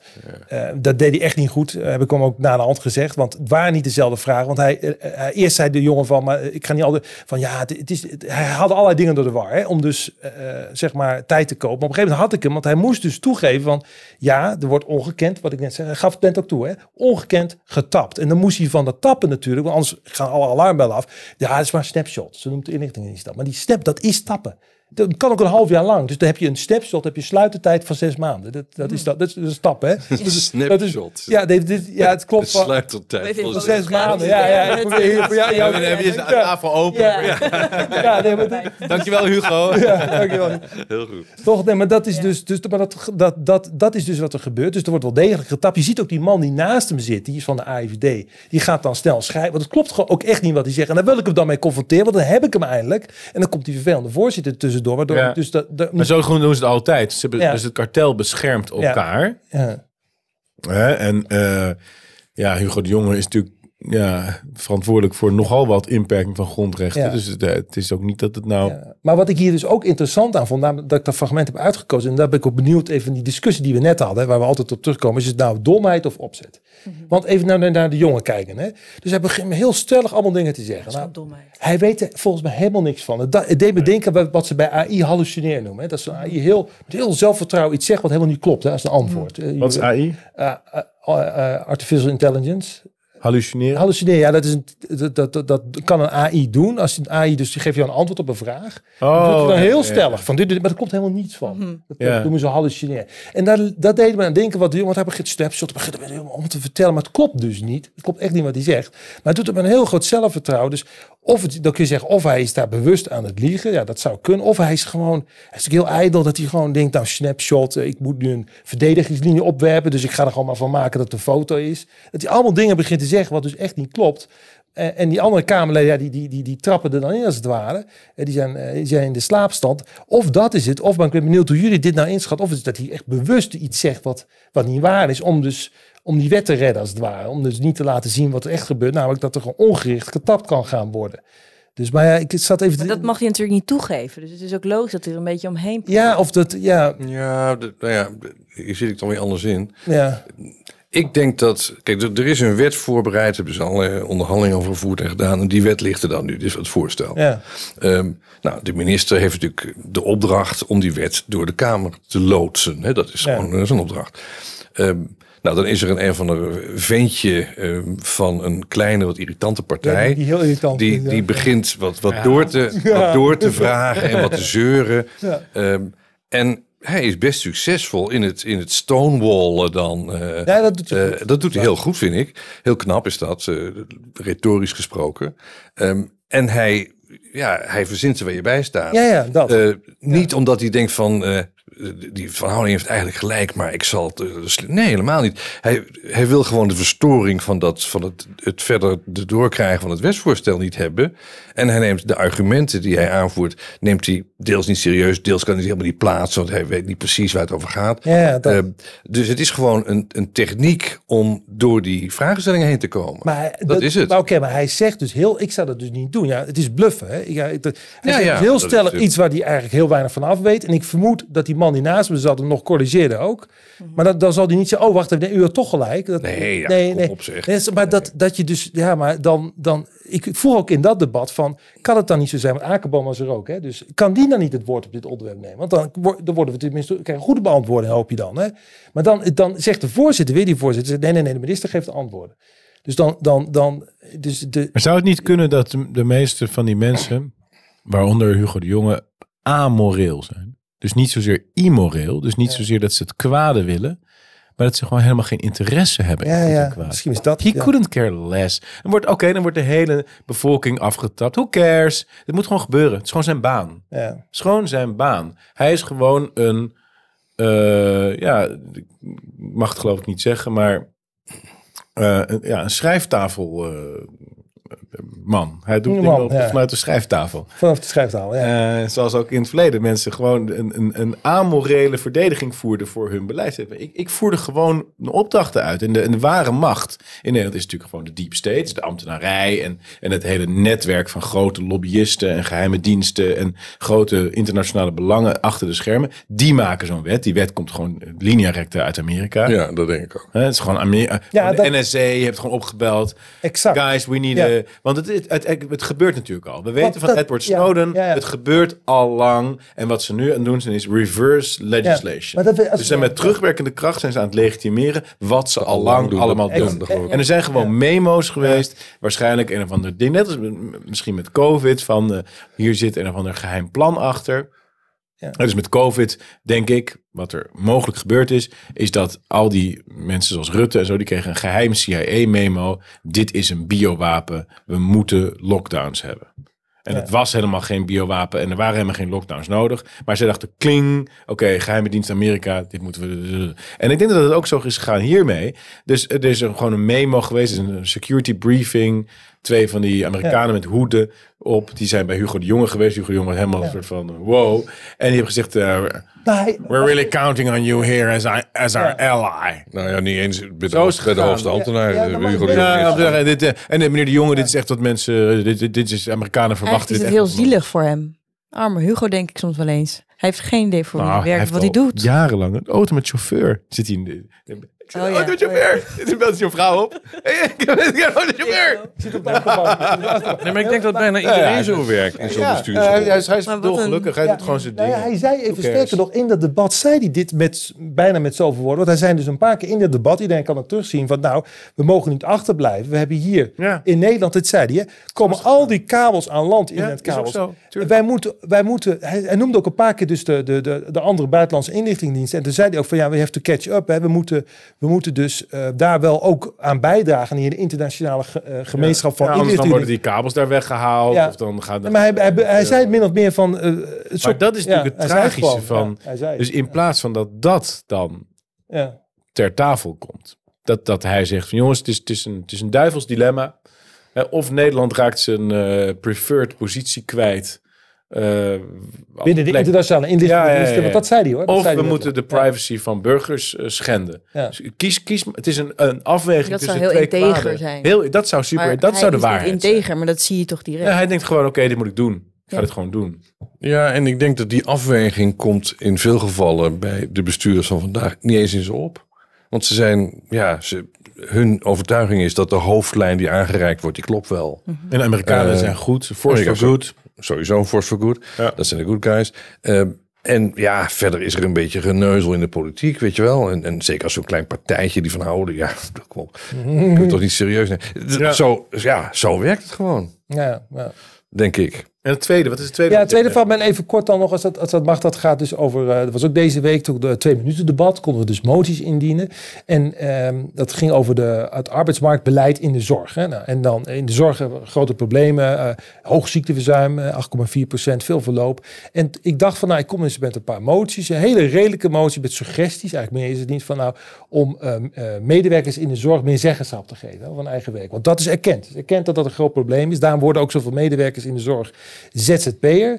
En ik dien die motie in. En, ze- en eh, misschien wel interessant om even te kijken wat er dan gebeurt. Want dan komt op een gegeven moment dus eh, eh, iemand van D66 naar voren. En dan zie je ook weer het, het, het, het, echt het, het, het- bijna het, giftige reactie van, van ja, hoe du- durfde dat in te dienen? Dus het, waar we het al vaak over gehad hebben, ze, ze willen niet eens meer luisteren. Ja. Misschien kunnen we even Ja, de, de mo- motie zien.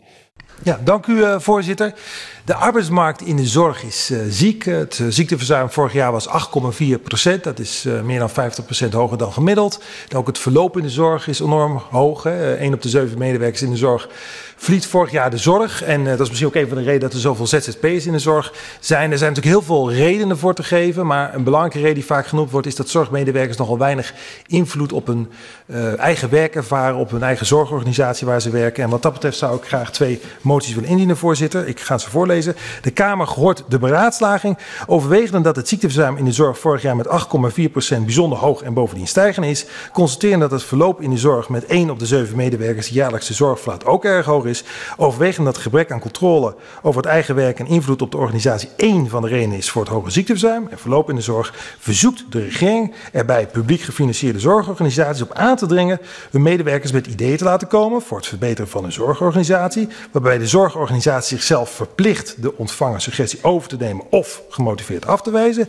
En, dat is denk ik het belangrijke deel van de motie, van zowel de suggesties die zijn binnengekomen als de motivaties die zijn gegeven voor het afwijzen van suggesties jaarlijks in een openbaar verslag melding te maken en gaat over tot de orde van de dag. Dank u wel. Dat is een vraag van mevrouw Paulusma, D66. Ja, een korte vraag, want dit gaat de zorg een hele hoop werk opleveren. Hoe komt meneer Van Houwelingen erbij dat er niet naar ideeën van werknemers geluisterd wordt?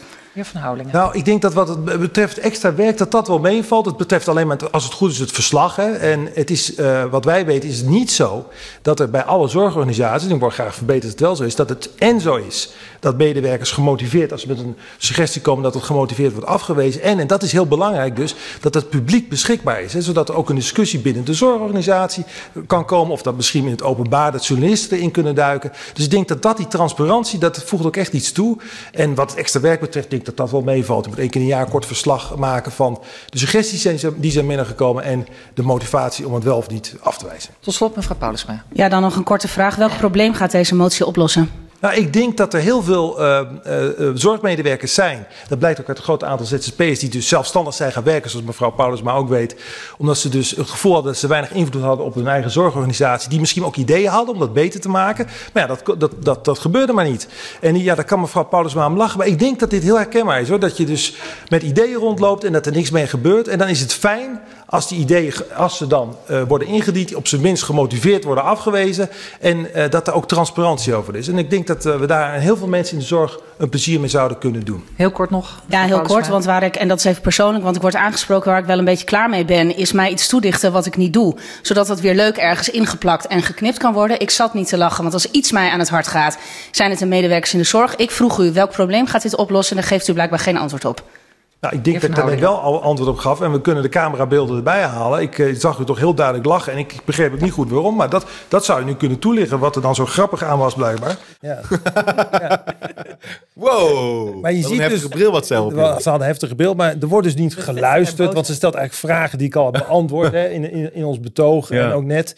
En Maar dan, het- en dan, dus het is alleen maar eigenlijk stoom af. Ik zag dat ook toen wij trouwens ons referendumbed verdedigden. Ja. Joost Snel, die helemaal, dom is het. die zat als een, eh, die zat helemaal stijf stond hij van de, van de, van de woede volgens mij. Die moest ook heen en weer lopen in dat gangpad gewoon om zijn woede kwijt te raken. Ja. wij alleen maar referendum voor, wat notabene een D66 idee is, Ja. een referendum. Ja, ja, ja. Dus, dus, dus eh, en Het dan... lijkt alsof zij boos is dat jij haar punt afpakt of zo. Want Ja. zij is daar toch voor te zorgen. Ja, dat, Ja. inderdaad, boos En dat pijn ook een dat is ook dragen. fijn gevoel, ja. Ja. Ja, Ja. Terwijl ik een punt en dan kun je, terwijl wij zijn toch wel zo, als, wij, als zij met een goed punt zou komen, zo'n punt, dan zouden wij, dan zouden wij daarvoor stemmen. Hè. Dan gaan we, komen we niet boos naar voren lopen of zo. Maar dus, dus, Ja. dus als je dus hebt over politiek met een kleine p, is dit daar het, het toppunt van. Maar als ik nog even heel kort een algemeen punt mag maken, want als het dan gaat over die zeggenschap in de zorg, nou dat is dus een probleem. Heel veel medewerkers in de zorg zijn daarmee ZZP'er geworden. En dat is misschien ook nog in verband met de verkiezingen wel goed om te noemen. Het zijn 1,2 miljoen ZZP'ers.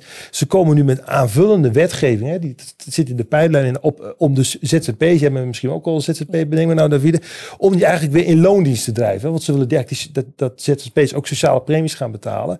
En ze komen zelfs, eh, eh, en daar hebben we een debat over gehad van de zomer, dat gaan we misschien nog plaatsen, zelfs met een, een wetsvoorstel die die het dus ZZP'ers gaat dwingen om zich te verzekeren ja, tegen arbeidsongeschiktheid. Dus dat is heel duur. Dus dan moet je verzekeren, ook al wil je dat misschien niet doen.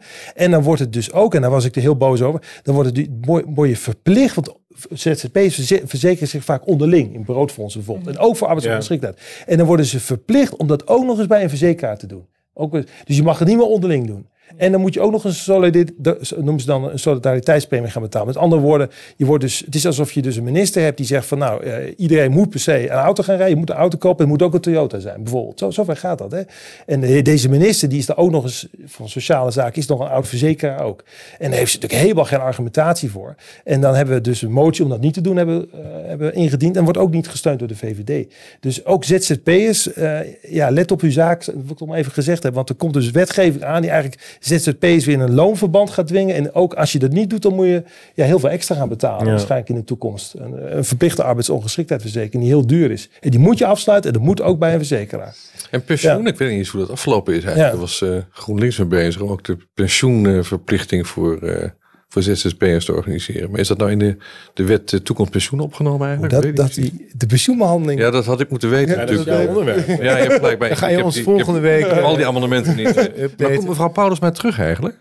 Ja, ik weet niet waar ze staat op eh, de, de D66. eh, ja, die heeft, Voor de vrolijke Ook een noot. reden zijn Voor de waarom vrolijke ze- noot. Ja. Nou ja, gewoon een vraag. ja, Maar die bril, holy moly, die gaat mij nog lang achtervolgen. Jongens, Niet zo door de ruimte. wat een enge bril.